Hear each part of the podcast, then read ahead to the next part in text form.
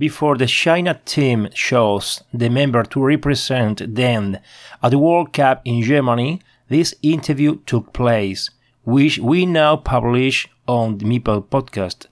Now we know that our guest is the player who travels to Germany to participate in the Carcassonne World Championship. Welcome to Meeple Podcast, Season 4.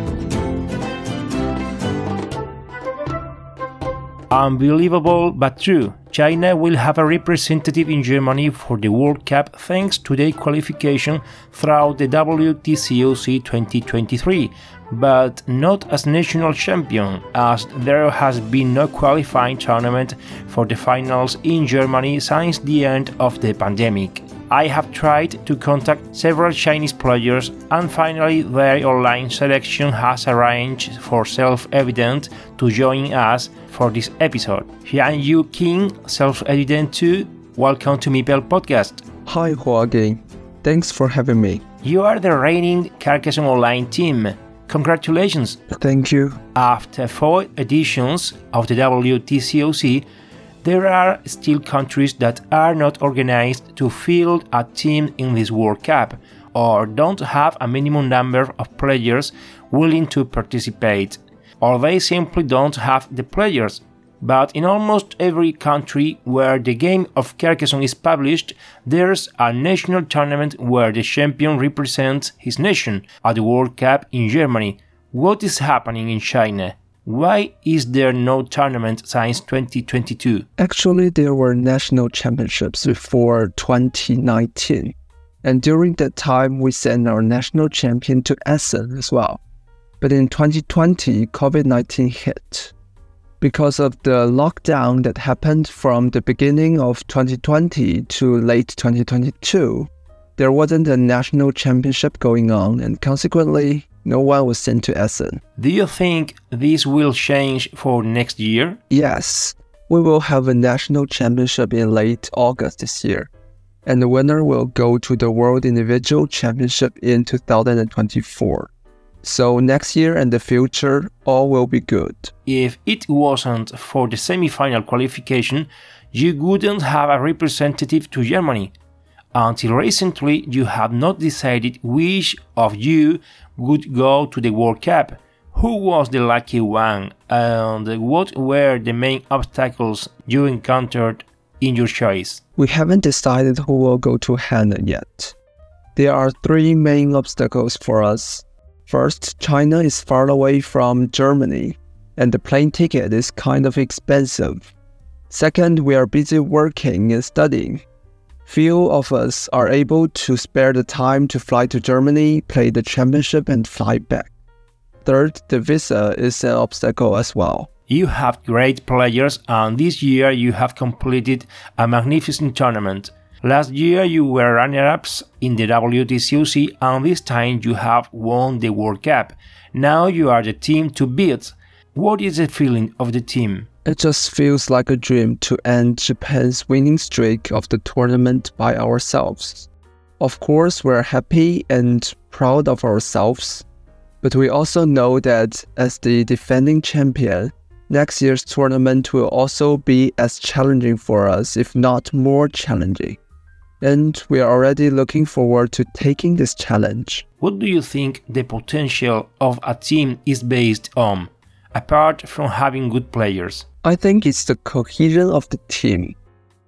When the two teams with similar strengths face each other, the more united the team is, the more likely its team member will attach all importance on the match and play on a higher level. Like Team Belgium and Spain, they actually don't have many 700 plus ELO masters, but they have great team culture and all their teammates are close friends in reality. So they were able to achieve really good results. The Asian game has great versatility and on a global level you stand out above all in China, Japan and Taiwan. Do you have anything in common apart from being Eastern teams? East Asian countries like China and Japan are neighbors with each other in geography, and we also share similar history. As for board games, we shared similar interests. Like the classic board game Go, China, Japan, and Korea have started playing it since thousands years ago. And now Carcassonne has become another shared interest. Tell us a secret, something we don't know about the Chinese team, something that might be relevant about an event, about the way you train, an anecdote about you or a teammate online or face to face. I will share a story about my teammate Dr. Cai Han 2020. He is a great cardiologist and often do operations on patients with serious cardiovascular diseases and save their lives.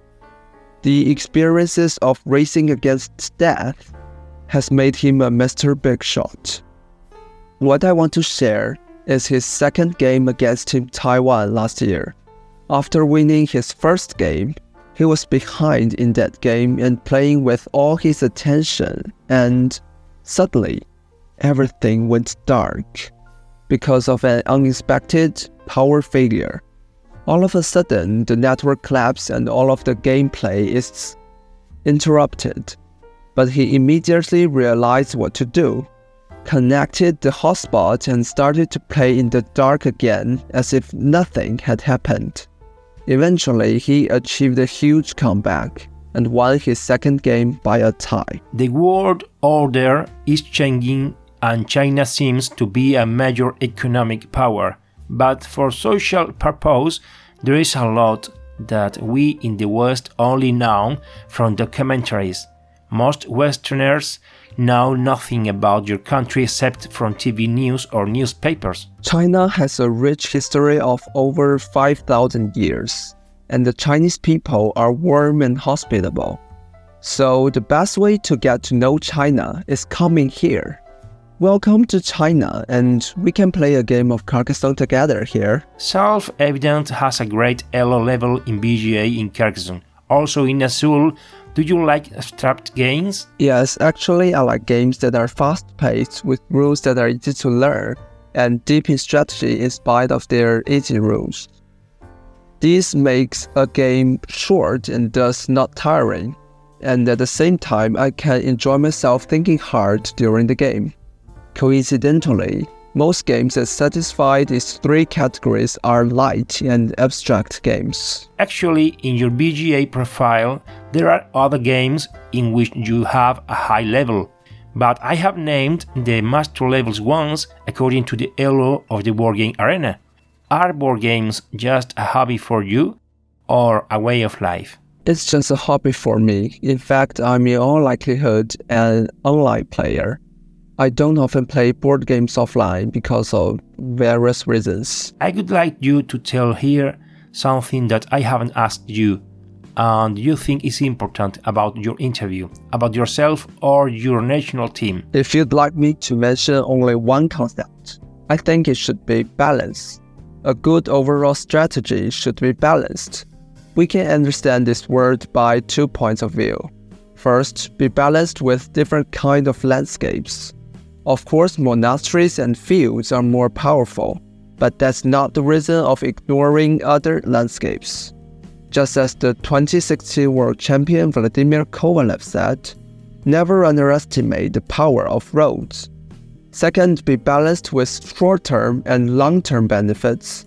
For example, you wouldn't like to miss the last field connection opportunity with the crossroad for two quick points and you also would like to skip 4 quick points for a farmer with the city cap in the early stage of the game.